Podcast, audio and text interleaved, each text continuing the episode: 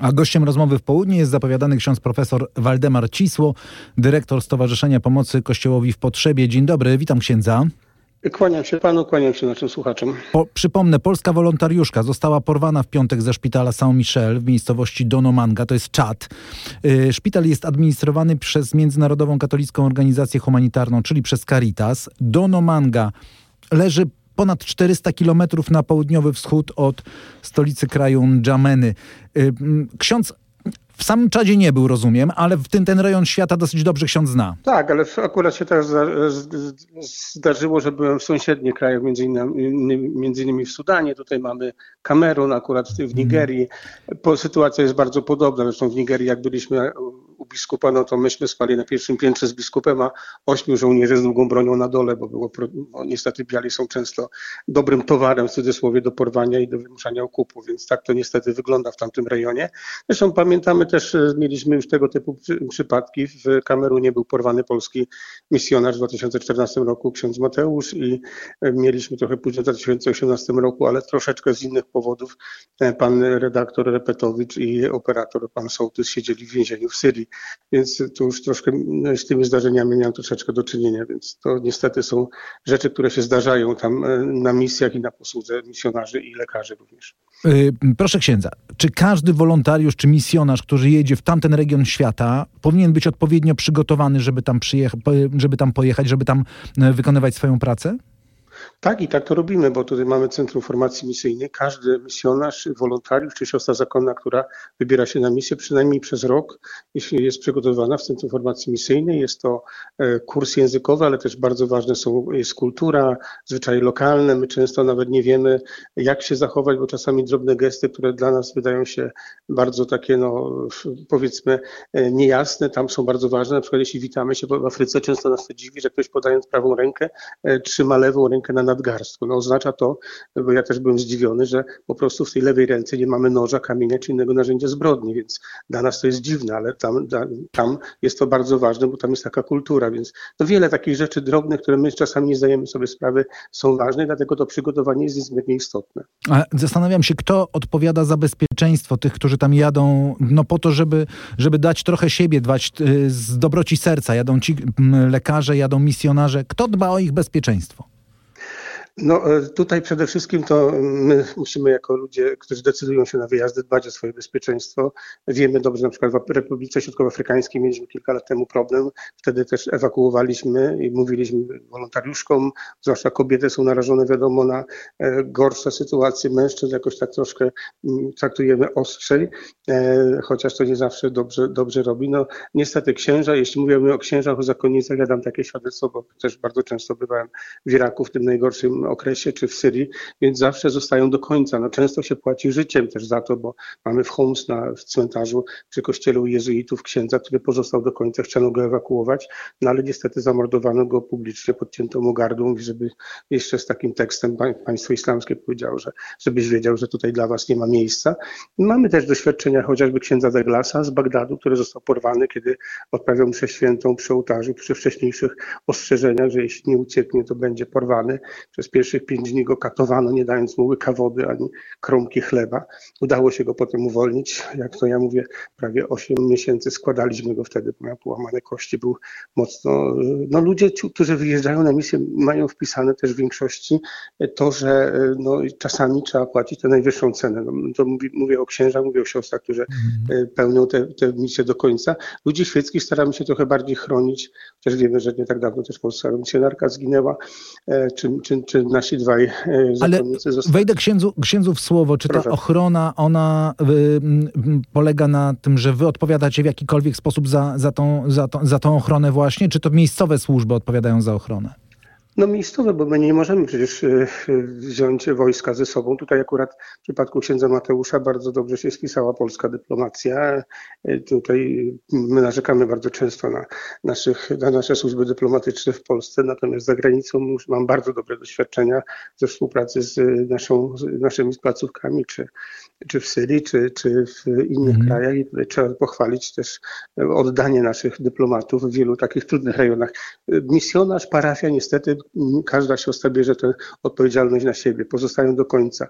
Biskup prosi, żeby rozeznać, bo to jest decyzja każdego, każdej siostry, każdego księdza, do którego momentu może pozostać. Weresia, kiedy były te zamieszki, kiedy ci różni wataszkowie wracali z Ugandy, przez Ugandę i, i przez Republikę Środkowoafrykańską z Sudanu, e, chcieli tam, no rabowali po prostu, no bo to były takie grupki, na których nie, nikt nie miał wpływu. Więc prosiliśmy przynajmniej kobiety i siostry, żeby e, po prostu no, wyjeżdżały stamtąd, bo no, mężczyznom jakoś trochę łatwiej, że się tak wyrażę. Proszę księdza, a jak jest, bo wygląda na to, takie przynajmniej mamy informacje z MSZ-u, że to jest porwanie dla okupu. Czy ksiądz miał, czy spotkał się z takimi przypadkami porwań dla okupu i jak wtedy ci porwani są traktowani? W tamtym no rejonie świata ja. Ja mogę opowiedzieć historię z Sudanu, gdzie w Ugandzie mieliśmy w obozie dla uchodźców chłopaków, no to, to była średnia szkoła, więc wiek był około tam, bo to jest różnie wtedy, bo tam w czasie wojny to nie zawsze uda się regularnie studiować, ale to były przedział wiekowy od 14 do 15 lat. W nocy oczywiście żołnierze strzegli tej, tego internatu, włamano się, zabijając tych żołnierzy. Najbardziej trudna sytuacja jest wtedy dla tych żołnierzy reprezentujących wojsko, czy bo ich katują, nie to, że zabiją, ale po prostu znęcają się nad nimi.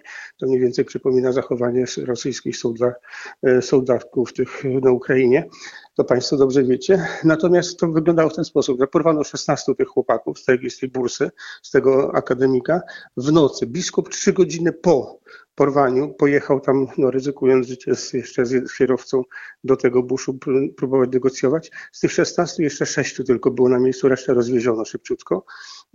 Ich porwano po to, żeby ich wcielić do, do wojska. No tutaj musimy, musi być cisza, że tak powiem. E, Im ciszej, tym lepiej. Tak jak Państwo słyszeliśmy w Waszym serwisie, nie podajemy danych, e, pozwólmy działać dyplomacji. Tak samo było wtedy w przypadku pana Repetowicza i Sołtysa. Bardzo była intensywna działalność, tam różne siły. Wtedy zazwyczaj łączymy też te siły kościelne, siły polityczne, bo poprzez polskich misjonarzy mamy też różne kontakty. W Republice Środkowoafrykańskiej mamy na przykład polskich biskupów, czyli siłą rzeczy mają też wyższe kontakty i tak dalej. Zawsze ten, połączenie tych sił że tak powiem, cywilnych i kościelnych w tym wypadku daje zazwyczaj dobry efekt. To znaczy, z tego co księdza zrozumiałem, rozumiem, że y, struktury kościelne też w jakikolwiek sposób, czy w, jak, w, jakiś sposób pomagają dyplomatom, jeśli chodzi o dotarcie do tych grup porywających y, cudzoziemców. Jeśli jest taka konieczność, tak.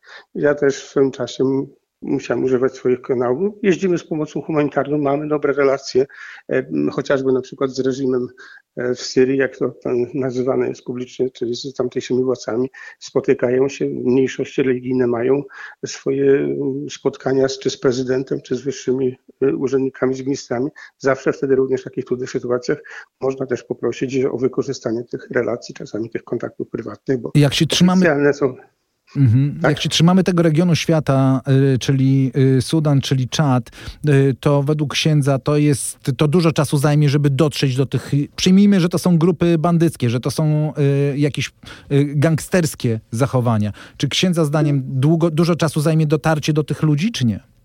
Ufajmy, że nasi dyplomaci użyją dobrych kanałów, to na pewno dyplomacja francuska tutaj może dużo pomóc i sądzę, że, że tym kanałem też pójdzie i kanałem kościelnym pewnie też będą próbowali nawiązać te, te kontakty, bo one są mniej formalne, ale czasami równie skuteczne jak te polityczne. No tutaj trudno powiedzieć, panie redaktorze, tu nie ma zasady. Im wcześniej podaje mi się te, tak jak mówiłem w przypadku tych porwania chłopców, po trzech godzinach z tej 16 tylko już kilku było wtedy na miejscu tam tego obozu, a reszta była już rozwieziona do innych krajów. Tak jak mieliśmy na przykład w Nigerii porwanie kiedyś 300 dziewcząt, Boko Haram porwało ze szkoły katolickiej. E, po, po dotarciu na miejsce też w, w krótkim czasie większość z nich już była rozwieziona w różne rejony e, Nigerii, żeby je sprzedać albo żeby je wydać na siłę za mąż. My słyszymy ze strony polskiego MSZ o bardzo szerokiej akcji, jeśli chodzi o wojska, o służby bezpieczeństwa e, w Czadzie. Czy te działania z księdza doświadczenia, czy te działania miejscowego wojska, miejscowej policji, miejscowych służb, afrykańskich służb, one są, one są rzeczywiście skuteczne? No, każdy ma swoje kanały. No przecież wiadomo, że Państwo często relacjonujecie działania naszych służb, mamy wywiad, kontrwywiad i tak dalej, więc wiadomo, że tego typu instytucje też są to zaangażowane. Tutaj na pewno no wiadomo, że Państwa rolą i Państwa misją jest informowanie. No w tych wypadkach niestety dopóki nie mamy zakończonych tych negocjacji, lepsza jest cisza. To prosimy o wyrozumiałość naszych słuchaczy. Natomiast uważam, że no najlepiej jest skontaktować się z lokalnymi, bo to może być jakaś mała grupa, która nie jest jakoś znana szeroko. Na przykład z Boko Haram mamy poszczególne bojówki. Tak samo jak w RSA no, działały takie prywatne jak gdyby e, grupy terrorystyczne składające się od kilku do kilkunastu osób, więc wtedy trzeba było dotrzeć, kto to jest, znaleźć, zdefiniować tę grupę, bo to może być jakieś takie ugrupowanie, no quasi prywatna mała mafijka, która w jakimś, w Nigerii na przykład w poszczególnych wioskach wszyscy wiedzieli, kto z czego żyje. To były grupy czterech, pięciu osób, które zajmowały się na przykład porywaniem białych dla okupu. I myśli ksiądz, że podobnie może być w Czadzie, rozumiem. Tak, tak. No tam się ludzie znają, no tak jak mniej więcej my na osiedlu wiemy, kto jest, reprezentuje jakieś tam zajęcia, niekoniecznie wiążące się z etatem. Nie? Ksiądz profesor Waldemar Cisło, dyrektor Stowarzyszenia Pomocy Kościołowi w Potrzebie, był gościem rozmowy w południe. Dziękuję księdzu za to spotkanie. Dziękuję, dobrego dnia Państwu. Dobrego dnia.